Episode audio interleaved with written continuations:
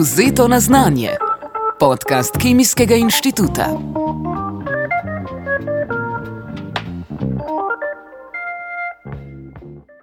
Lepo pozdravljeni v četrtem delu podcasta Kemijskega inštituta z naslovom Vzeto na znanje. Z nami je danes Ivo Boskarol, podjetnik, konstruktor in ustanovitelj podjetja Pipistrel, ki proizvaja lahka in ultralahka letala. Nekoč pa tudi umetniški fotograf, glasbeni novinar in menedžer glasbenih skupin, ter šestkratni državni prvak v letenju z ultralahkimi letali in nosilec dveh državnih hitrostnih rekordov ter tudi prvi državni prvak v letenju z motornim zmajem. Za svoje delo na področju letalstva, na katerega se bomo danes osredotočili tudi mi, je dobil vrsto nagrad. Že leta 1987 pa je v takratni Jugoslaviji ustanovil prvo zasebno tovarno letal, ki se danes imenuje Pipistrel DOO. Lepo pozdravljeni. Pozdravljeni. Torej, danes, ko mineva več kot 30 let, odkar ste odprli tovarno letal, vse več govorimo o neizbežni elektrifikaciji različnih gospodarskih sektorjev. Sami ste o tem verjetno razmišljali že malo pred ostalimi. Kakšen je pravzaprav vaš pogled na to tranzicijo, ki se zdaj dogaja? In kakšne so pravzaprav poslovne možnosti, ki jih na tem področju lahko vidimo v Sloveniji? Ja, mobilnost, taka kot je sedaj, uh, ni ravno uh, pisana na kožo učinkovitosti, če temu lahko rečem. Uh, z energijo zelo razmetavamo, plus tega uporabljamo energente in tehnološke rešitve, ki uh, kvarno uh, vplivajo na našo atmosfero in seveda uh, na trajnost, oziroma uh, na to, kakšno atmosfero bomo pustili za naše zanamce. Uh, že kar nekaj let, ne, seveda desetletij, se uh, išče rešitve, ki bi manj onesnaževale. Uh, letalstvo je bilo sicer zadnje, ki se je začelo spogledovati z elektriko. Uh, mi smo uh, v bistvu podjetje, ki prodajamo električna letala že skoraj 20 let, dan danes sicer vsi o tem govorimo, govorijo, ampak toliko izkušenj in toliko dejansko prakse, kot imamo mi na tem, nima nobeden drugi na svetu. Eh, letalstvo ima to, rekel, to zagato, da je teža pomembna, ne, seveda, in tudi uh, dolžina letenja, uh, ker uh, se ne da pristati posod ampak eh, tehnologije vedno več omogočajo tudi tega, in priložnosti tudi za elektrifikacijo letalstva je vedno več.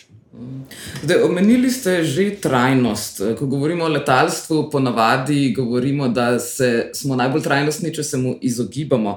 Ampak so električna letala bolj trajnostna, mogoče tudi zaradi samih materijalov, ki jih pridobivate, oziroma ki so bolj trajnostna od tistih običajnih letal? No, najprej moramo se um, začeti pogovarjati o tem, eh, kaj je trajnost. Ne? Trajnost je tudi, če z eno uh, inovacijo ali pa uh, z neko tehnologijo zmanjšamo onesnaženje ali pa vpliv na okolje druge. Ne? Če pogledamo samo, uh, kako uh, neracionalno je, organiziran, uh, je organizirana mobilnost v velikih mestih. Uh, zato, da pridemo do naše destinacije, moramo zamenjati kar nekaj različnih prevoznih sredstev, od avtobusa vem, do avta, do podzemne železnice. Porabimo za to dve, tri ure, da prijemo do destinacije. Če bi šli iz uh, strehe nebotičnika za isto razdaljo do strehe nebotičnika po zraku v tretji dimenziji in to na elektriko, ne, ne bi onesneževali, ne bi uh, zmanjšali uh, vidljivost, ne bi segrevali ozračja, uh, ne bi ustvarjali hrupa. Vse to je treba dati v en koš, ko govorimo o trajnosti. Uh, tako da letalstvo samo ja, je onesneževalec, tako kot je bilo do sedaj, vendar moramo vedeti, da čas onesnaževanja je v letalstvu, glede na eh, preleteno ali pa prevoženo razdaljo, bistveno krajši in je zaradi tega tudi impakt manjši kot pa pri, pri dvodimenzionalni mobilnosti. Mm. Se, kako pa so zmogljiva električna letala, kako daleč lahko naprimer, potujejo z enim polnjenjem, koliko ljudi lahko nesejo? Uh, Dal bom eno primerjavo, ki bo poslušalcem verjetno zelo dosti povedala. Električna letala so svojo zmogljivostjo tam, Eh, kjer je bil uh, mobilni telefon v času Nokia 3120, recimo, ali kaj takega. Torej, uh, nima še vseh fotoaparatov zraven, nima še prenosa podatkov in tako naprej. Električna letala v tem trenutku omogočajo zamenjavo določenega tipa letenja, ne pa vsega. Ne. Energetska gostota baterij je, glede na težo, je še vedno zelo slaba, zato je teža akumulatorjev, ki jih peljemo s sabo, taka, da ne omogoča letov, ki so morda daljši od 200 km ali pa daljši od ure, ure in pol. Vendar uh, je tudi tako letenje že zelo dobra zamenjava za recimo šolanje. Ne, ker pri, pri šolanju mi imamo uh, uro, uh, ki traja 45 minut, in to popolnoma lahko nadomestimo z električnimi letali, ki so tiha, tako da lahko šolamo uh, bliže mestom, uh, ki uh, ne ustvarjajo uh, emisij. Uh, tudi cenejša uh, energija za eno uro letenja na, na električnem letalu stane okrog evra, ne, za razliko od benzina na, na, na podobnem letalu, ki stane 30-40 evrov je, je, je velika razlika. Uh, ta električna uh, rekel, tehnologija bo lahko zamenjala uh, helikopterje v velikih mestih. Ker recimo mesta premjera do 70, 80, tudi do 100 km, se da na elektriko že leteče taksije upeljati do 4-5 oseb, to se pravi, tudi to je že zamenjava in zamenjava je tudi uh, pri jadralnih letalih s pomožnim motorjem, ker eh, eh, rabi eh, električni pogon delovati le nekaj deset minut, ko pripelje letalo do določene višine in potem se ugasne. Ne moremo pa danes še s tehnologijo, ki imamo, razmišljati, da bomo prepeljali sto potnikov eh, preko oceana, eh, vendar tudi ta čas prihaja v kombinaciji seveda z vodikom oziroma drugimi energenti, na baterijo pa žal ne. Je torej realno pričakovati, da bodo mogoče že čez 10 let ali pa čez 15 v zraku večinoma avioni z električnimi motorji in pogonom na baterije ali gorivne celice? Odvisno v katerih eh, kategorijah, jaz sem prepričan, da eh, šolanje letal, vsaj tisto osnovno, eh, ki potrebuje letenje tam nekje do 300, 400, 500 km, bo v naslednjih letih prešlo na, na električne pogone. Vendar pa tudi električni leteči taksi bojo zamenjali klasična, klasične taksije oziroma klasično mobilnost v mestih. Uh, mislim pa, da do konca, do konca desetletja tudi Pipistrel uh, bo predstavil več sedežno, 20 sedežno recimo letalo na električni pogon, vendar ne bo imelo baterij, ki, bo, ki bodo nosile energijo s seboj, ampak bo tako letalo proizvajalo potrebno električno energijo med letenjem samim, ker bo v kombinaciji z vodikovimi gorivnimi celicami pač proizvajalo potrebno energijo med letom. Zra, eh, iz zraka potegnemo kisik, ki ga potrebujemo, vodik peljemo s seboj, vodik je izredno lahek in tudi poceni energent. V uh, gorivni celici se proizvaja električna energija, eh, ki služi za izredno podaljšanje. Leta in edini, edina emisija, Eh, je čista voda. Tako da to je dejansko zelo, oziroma najbolj eh, čisti način letenja, ki ali pa koncept, za eh, katerega sem prepričan, da bo v naslednjih desetletjih. Nadomestil fosilna goriva tudi v, v letalstvu. Se vam zdi, da so torej električna letala prav zaradi svoje trajnosti, zaradi bolj zelenega učinka na Zemljo, pravzaprav boljša kot letala na druge vrste pogonov. Ja, električna eh, letala imajo, imajo veliko prednosti. Ne. Eh, ena od prednosti je sigurno hrup, eh, lahko, zaradi tega lahko tudi potniški promet manjših letal preusmerimo na manjša, tudi travnata letališča, v urbana naselja. Električna letala imajo, potrebujejo bistveno krajše poletne steze, nekatere, nekatera poletajo tudi navpično. To pomeni, da eh, eh, lahko eh, pripeljejo letališče k potniku, ne da gre potnik na letališče. Ne. To je ena prednost, druga prednost je ta, da v zraku, ko so v zraku, ne puščajo sledi za seboj delcev, da uničujejo atmosfero oziroma onesnažujejo atmosfero.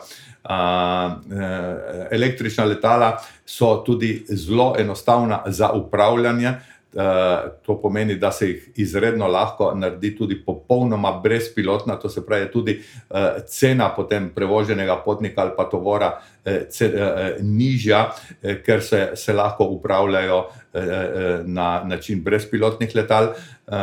Električni pogoni so namreč izredno enostavni za upravljanje. Več, večje prednosti, tako da jaz sem pripričan, da v bodoče bo ne samo trend, ampak bo nuja, ker že nekatera, nekatere države že pripravljajo zakonodajo, da do leta 2040 eh, regionalni eh, letalski prevoz, to se pravi medmestni, tam nekje do par sto km, bo moral biti ali hibrid ali pa elektrika.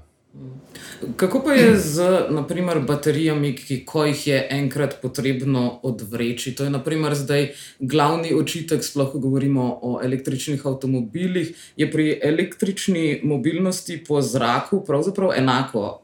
Tudi razvoj na področju baterij ponuja že eh, nekatere tudi nove druge vrste baterij, ki so manj škodljive za okolje. Kako pa je to na področju letalstva? Ja, v letalstvu uh, rabimo drugačen tip uh, celic, kot jih uh, potrebujemo v avtomobilu. Ne moramo mi namreč vzeti baterijo od neke Tesle, ker uh, pri avtomobilu, če pritisnete plin po 20 sekundah, ste, ste 200 na uro in ga morate oduzeti. Mi rabimo uh, uh, daljši čas uh, praznjenja, uh, intenzivnega praznjenja uh, in istočasno tudi veliko ciklov. Uh, v letalstvu namreč tako, da ko dopade kapaciteta baterije na 80%, jo je treba zamenjati. E, zato so letalske baterije zelo uporabne za drugo življenje, to se pravi za, za skladiščenje energije in tako naprej. Seveda, tiste, ki so e, celice, so, ki so delane na osnovi litija, litij je pač naravni element, eh, eh, ima svoje eh, težave z reciklažo, ampak se ga da, kar je kovine tudi. Vendar prihajajo do celice, ki Eh, niso več delane na, na taki osnovi, tudi a, a, a, popolnoma eh, reciklabilne. Eh, kot sem pa rekel, je pa to um, baterijski pogon, je ena izmed stopničk do končnega cilja. Jaz sem prepričan, da v letalstvu je implementacija vodika bistveno bolj enostavna kot implementacija v avtomobile, ker imamo več prostora že za hranjenje vodika. Uh, imamo tudi možnost uh, uh, polnjenja letal na letališčih, ki jih je nekaj stokrat manj kot pa potrebnih teh servisov oziroma polnilnih postaj na, na, na, na cestah samih. Tako da vodik je sigurno boljša varijanta. Kot pa, kot pa baterija sama, že čas polnjenja, recimo baterije, Eh, take velike baterije, kot so potrebne na letalu, bi bil predolg in uh, tudi infrastruktura za polnjenje problematična. Glede na to, da se veliko ukvarjate s tem pri letalstvu, eh, veliko govorimo tudi o tem in slišimo, da je pravzaprav celotno vaše podjetje zelo stremi torej, k trajnosti, k elektrifikaciji. Kako elektrificirano pa bi rekli, da je vaše podjetje? Ja, lejte, trajnost začne eh, v glavah ljudi. Uh, jaz sem, uh, ko sem že postavil pipistrel, ko sem ga osnoval pred 30 leti, uh, postavil strategijo, da morajo naša letala uporabljati manj goriva kot druga, da morajo biti tiša kot druga. In uh, dejansko, lejte, mi s 30, eh, 300 litri letimo iz Čila do velikonočnih otokov, 4500 km nad oceanom, brez možnosti pristanka, kar je znanstvena fantastika za druge eh, proizvajalce. celotna filozofija Pipistrela temelji na našem konceptu Ecolution, ki je tudi zaščiten kot, kot brand. Vse, kar se v podjetju dogaja, stremi za istimi cilji. Jaz sem bil prvi evropejec, ki je tri leta preden je prišel uh, uradno prvi prijus v Evropo, sem ga vozil iz Japonske. Uh, mi smo leta 2007 Eh, postavili eh, novo tovarno, ki ima 11, 2007, pazite, eh, ki ima 11 sistemov za pridobivanje energije, za racionalno rabo energije, ne samo največjo sončno elektrarno na Balkanu, takrat tudi geotermalne sonde za, za hlajenje poleti in ogrevanje po zimi. Celoten objekt ima pod seboj pet metrov na debelo in eh, velikost eh, objekta, ima skladiščenje eh, toplotne energije, ki jo več proizvedemo poleti, da jo lahko uporabljamo po zimi. Celoten objekt je grajen, hlajen in, in ogrevan z talnim ogrevanjem, eh, toplotne črpalke in tako naprej. Vse, karkoli delamo, delamo na način, da je potrebna energija čim manjša in da je proizvedena lokalno, kar je pomembno, eh, in pa da je eh, vpliv na okolje čim manjši. Mi smo že leta 2000 nehali z novoletnimi čestitkami, ampak smo preko elektronske pošte obvestili ljudi, koliko novih dreves smo posadili, namesto da smo jih požagali za, za čestitke. Eh, eh, vse, kar se v Pipistrelu dogaja, eh, vključno seveda z načrtovanjem letal, vključno s tem, da imamo vsako leto večji procent letal, ki so električna v naši proizvodni, je stremi k temu, da smo trajnostni. Mi nimamo neke strategije ali pa nekoga v podjetju zadolženega za trajnost, ker je vseh 250 zaposlenih vključenih v ta projekt. Tako da vse, kar se dogaja, eh, gre v tej smeri, in v bodoče bo šlo še bolj. Ja, zdi se, da ste pravzaprav že v prihodnosti za nekatera druga podjetja. Ampak v katero smer pa mislite, da se potem lahko še razvija vaše podjetje? Ja, eh, vsekakor eh, na večja letala, to, to pomeni več sedežna letala in pa letala z daljšim dosegom. Eh, Pipistrel eh, je bil poznan eh, kot proizvajalec ultralahkih letal. Jaz sem ne na zadnje eden od ustanoviteljev ultralahke kategorije pred 30 leti, ko smo hoteli narediti letalstvo bolj dostopno vsem izven rigidnega sistema. Kasneje smo šli v to kategorijo generalnega letalstva, eh, zdaj pa gremo tudi v kategorijo eh, splošnega potniškega letalstva. Eh, in pred leti sem sprejel odločitev, da v Pipistrelu ne bomo nobenega novega modela zasnovali, ki ne bi bil vsaj hibrid ali pa popolnoma električen. Tako da Pipistrel je edino podjetje letalsko na svetu, kjer je rekel, z internim aktom določeno, da bo popolnoma elektrificiral vso svojo proizvodnjo. In to se zdaj že dogaja. In v bodoče uh, bo seveda teh modelov tudi več. Uh, to, da smo se um, rekel, poročili s Textronom, ki je eh, največji igralec na trgu na področju eh, tega letalstva, eh, in da imamo vse možnosti, tudi finančne, ki jih jaz kot rekel, uh, prejšnji lastnik, uh, nisem uh, mogel izkoristiti, ker dan danes, veste, ena certifikacija enega letečega taksija stane eno milijardo in pol, uh, mi 40 milijoni letnega prometa ne bi mogli nikdar uh, tega doseči, sedaj pa bomo lahko. In, in vsa ta kapital, ki se sedaj zliva tudi v Pipistrel in, in ta širitev, Pipistrel bo imel kmalo 500 zaposlenih iz 250 in vsi ti programi bodo šli naprej, zaradi tega, ker denar ne bo več problem, tako kot je bil prej. Tako da Pipistrel ima zdaj dejansko zelo velike načrte.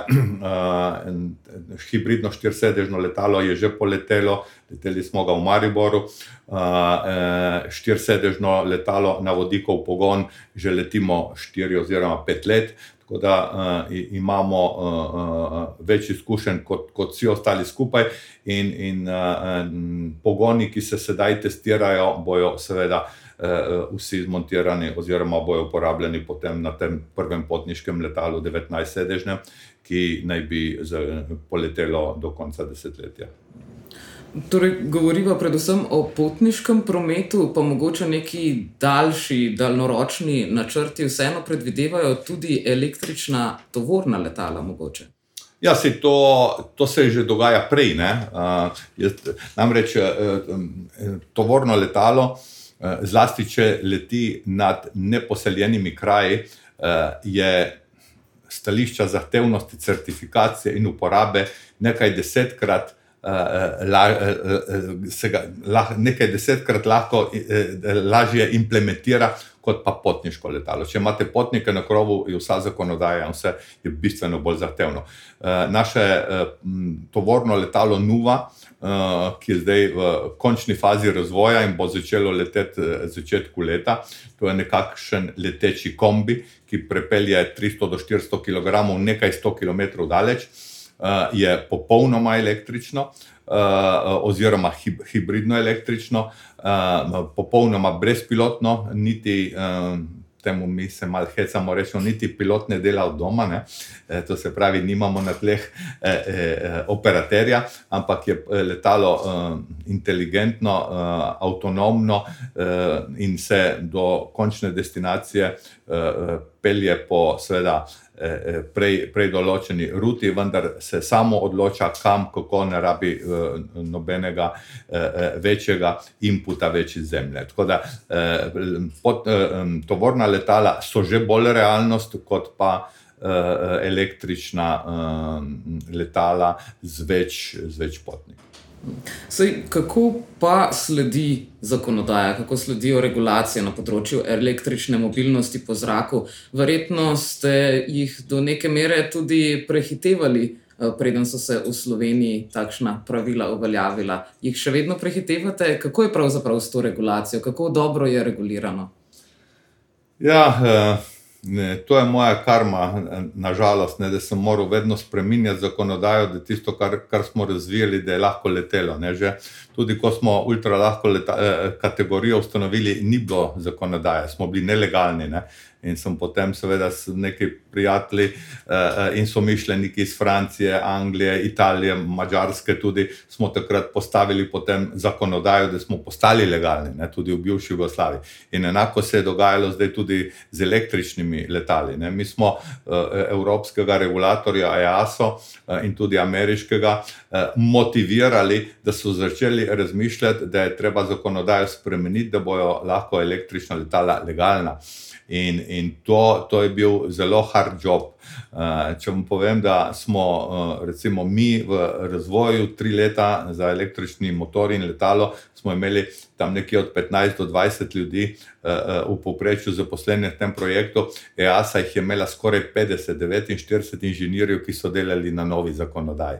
Ker eh, novo, pri novi zakonodaji je problem, če nimate standardov, ne, je treba delati eh, ali na primerljivih standardih, ali pa treba delati na, na eh, sistemu preizkušanja, da dokažemo, da eh, lahko ponovimo, kar delamo, da lahko eh, eh, tudi, če pride do anomalije, da jo znamo identificirati in potem tudi odpraviti.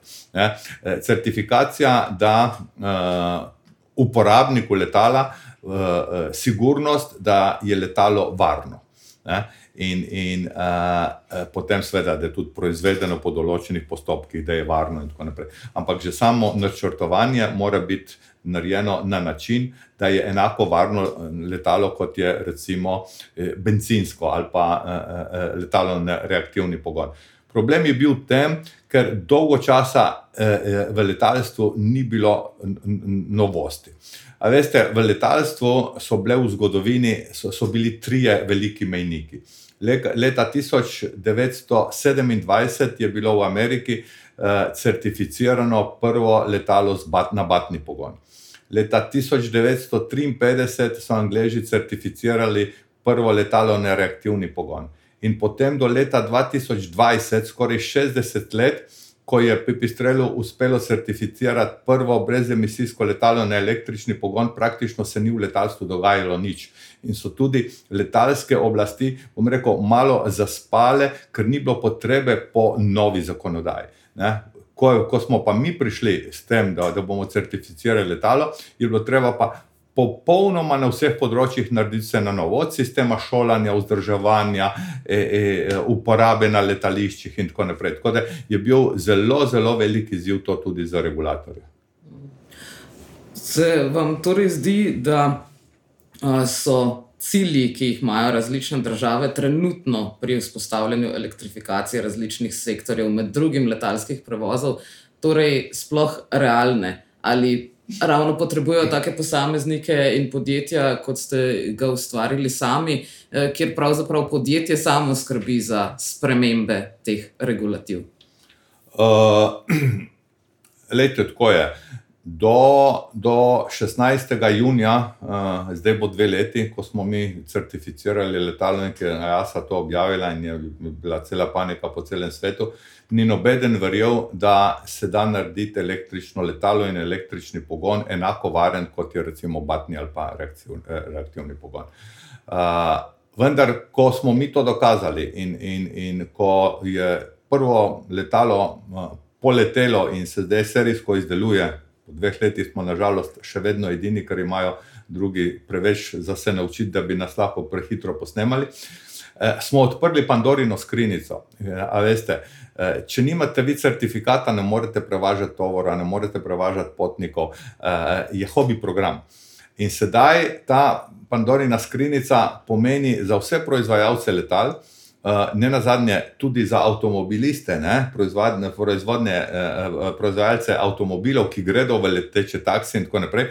Pomeni tako veliko poslovno priložnost, da se letalstvo popolnoma preoblikuje, da gredo v ta razvoj sedaj milijarde eh, na vseh področjih, od Japonske do uh, Kitajske, do Združenih držav, do, do Evrope, da seveda. Ne morejo tudi regulatori ostati do tega ravnodušni in delajo na, na tem, da bojo jutri tudi večja letala letela lahko varno in, in, in bojo legalna, tudi brezpilotna električna letala za prevoz potnikov. Zdaj se, zdaj se vse ta plas se je začel zelo hitro odvijati in vse države, seveda, ki se tega zavedajo, pogledajte, recimo sam Airport de Paris, ne, oni bodo zdaj aktivirali nekih 300 malih letališč. Eh, za eh, električni regionalni promet, opremili bojo s polnilnicami in tako naprej, ker vidijo v tem eh, zelo velik potencial, skrajšanje časa za potovanja in pa seveda impakt na, na, na, na samo ozračje. Ker, veste, lansko leto smo imeli zelo veliko akcijo v Sloveniji, ne za čisto vodo, ampak ljudje živimo tedne brez hrane, ne, dneve brez vode, pa samo nekaj minut brez zraka. Ne. Zato je, je dolžnost ne samo držav, tudi vseh nas nas, ki lahko nekaj na tem naredimo, da to atmosfero ohranjamo tako, uh, kot je eh, za naše zanamce. Ne? In no, drugače ne moremo govoriti o trajnostnem razvoju. Se vam zato zdi pomembno, da takšna visokotehnološka podjetja sodelujejo tudi z raziskovalnimi inštituti in univerzami? Na kakšen način se vam zdi, da bi to sodelovanje moralo potekati? Lejte, ta, ta meja med uh, industrijo ali pa proizvodnjo in uh, raziskavami in razvojem je vsak dan manj raz, manjša, oziroma je vsak dan bolj zabrisana. Enostavno si dan danes ne moremo predstavljati razvoja novih tehnologij in implementacije le teh, če ni povezave med vsemi faktorji. Dan danes je uspeh v, v, v novi industriji je pogojen s pazli vseh udeležencev. In zato jaz pravim, da to mora priti do reorganizacije sploh industrije, da ne bomo več govorili, kaj je to proizvodnja, kaj, kaj so znanstvene inštitucije, kaj je razvoj, ampak bo znanstvene inštitucije morale priti v podjetja in, in, in uh, rekel, eh, ljudje, ki so zadolženi za proizvodnjo, bojo morali priti v fazi razvoja v znanstvene inštitucije, ker če ne, se ne bo serijsko moglo izdelovati to, to kar, kar, kar se razvija, uh, uh, ali, ali pa uh, kar, kar rekel, se raziskuje za, za kasnejšo implementacijo. To, to se mora združiti, to mora priti do, do, do, do popolnoma, popolnoma novega razumevanja celotnega gospodarstva na področju proizvodnje, oziroma na področju uporabe novih tehnologij. Mogoče tudi zaradi potreb po izobraženi delovni sili, imate mogoče glede na to, da boste širili podjetje, s tem kakšne probleme s pridobivanjem kadra v Sloveniji? Uh, mi sicer imamo tudi dosti kadra iz Slovenije, vendar veste, uh, Pipistrel spreminja in ustvarja letalsko zgodovino. Uh, dan danes ga ni uh, inženirja, ki si ne bi hotel v svoj življenje pis napisati, da je bil del pipistrela. K nam eh, prihajajo ljudje iz celega sveta, od Argentine do Norveške, do Švice, do, do od kje, kjerkoli, zato da bi uh, uh, bili del te tranzicije letalstva, ki se dogaja prvič po, po stoletjih. Mi nimamo težave s kadrom, mi imamo težave, eh, kam te ljudi dati, kako jih nastaniti. Eh, kako jih plačati, ker imamo v Sloveniji, seveda, eh, eh, čisto drugačne obdavčitve strokovnega kadra kot zunaj. Ne, par mesecev smo imeli malo to srečo, da je vlada sprejela to kapico, da E, e, e, je obdavčitev takega kadra manjša, zdaj nova vlada bo to vse skenslala, pa ne zato, ker je slabo, ampak samo zaradi tega, ker je bilo Janševo.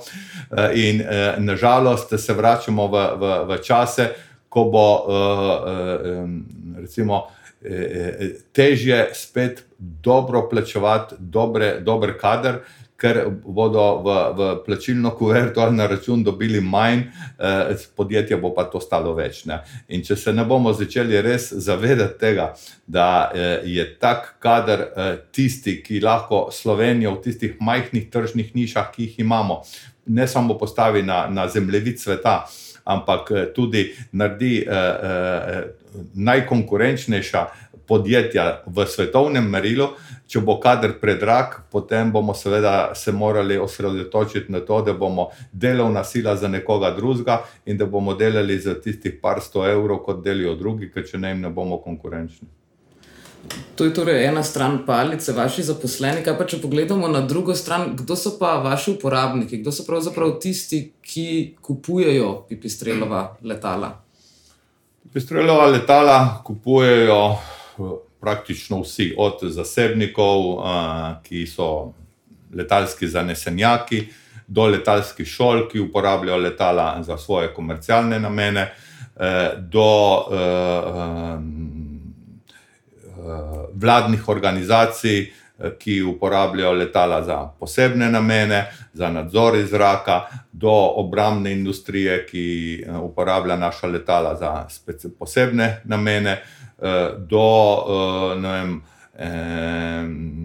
tudi, eh, če povem, primer v, v Keniji nadzorujejo letalske parke, nacionalne parke, iščejo krivolovce z našimi letali, ker so tiha, ker, je, ker jih ni slišati, in tako naprej. Praktično ne, ne vidim sektorja ali pa ne vidim neke potrebe po, po delu iz zraka, ki ne bi bil naš kupec. Torej, 35 let potem, ko ste s svojim podjetjem začeli, si verjetno drugače ogledujete svet, tudi iz višin, kot ste si ga tedaj. Kako pravzaprav gledate na tiste pionirske čase? Ste leta 87 si sploh predstavljali, da bojo vaša letala letela povsod tam, kjer ste ravno kar omenili, da letijo? jaz uh, uh, si postavljam vizijo zelo, zelo zadaleč naprej, uh, vendar s strategijo potem uh, doskrat tudi, tudi dnevno spremenjam. Uh, takrat, seveda, uh, že uh, ko smo začeli izdelovati motorne zmaje, uh, še v bivši Jugoslaviji, sem vedel, da bo jugoslovanski trg premajhen, da bo treba izvažati in zato tudi ime Pipistrel, ker je bila najbližja država.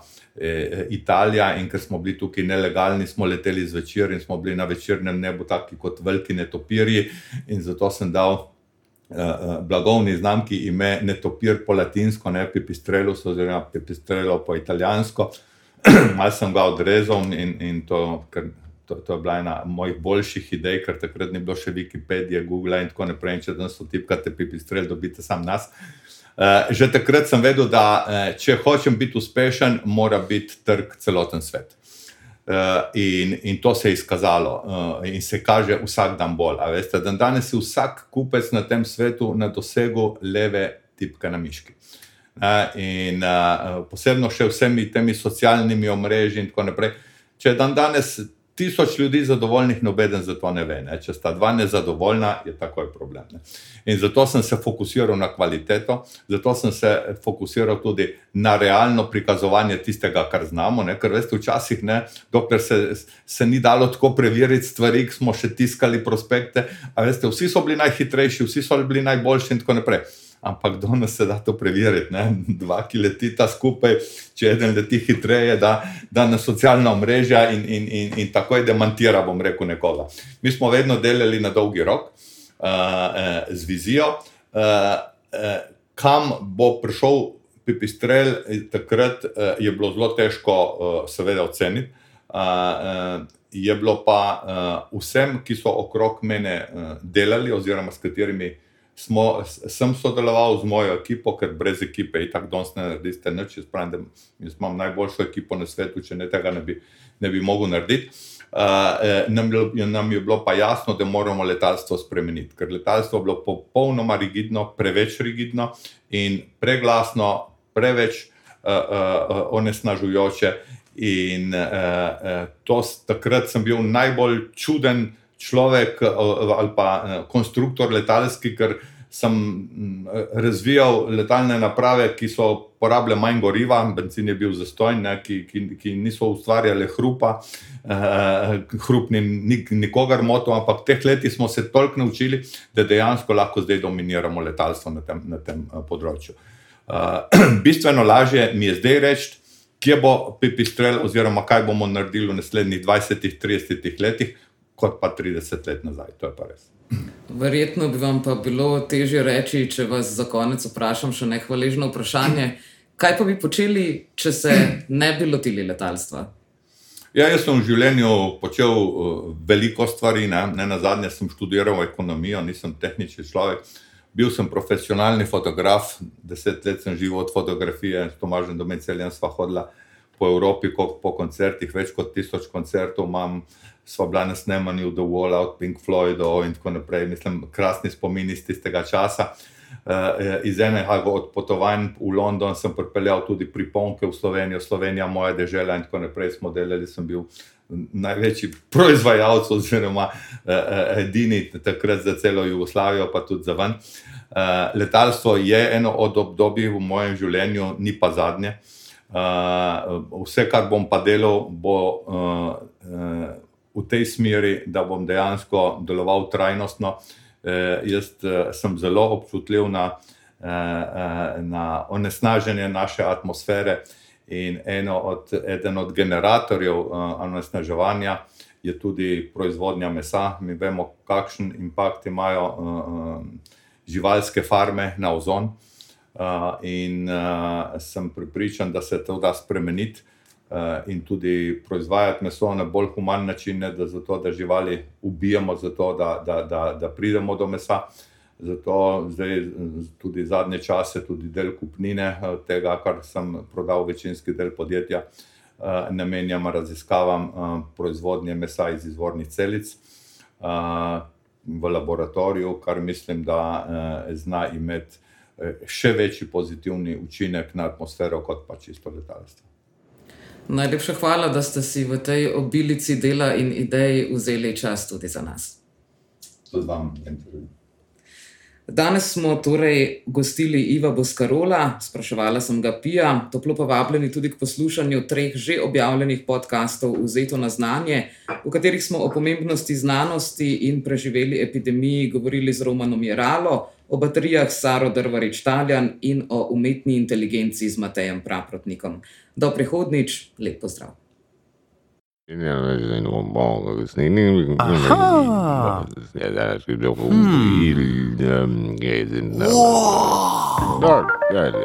Vzeto na znanje.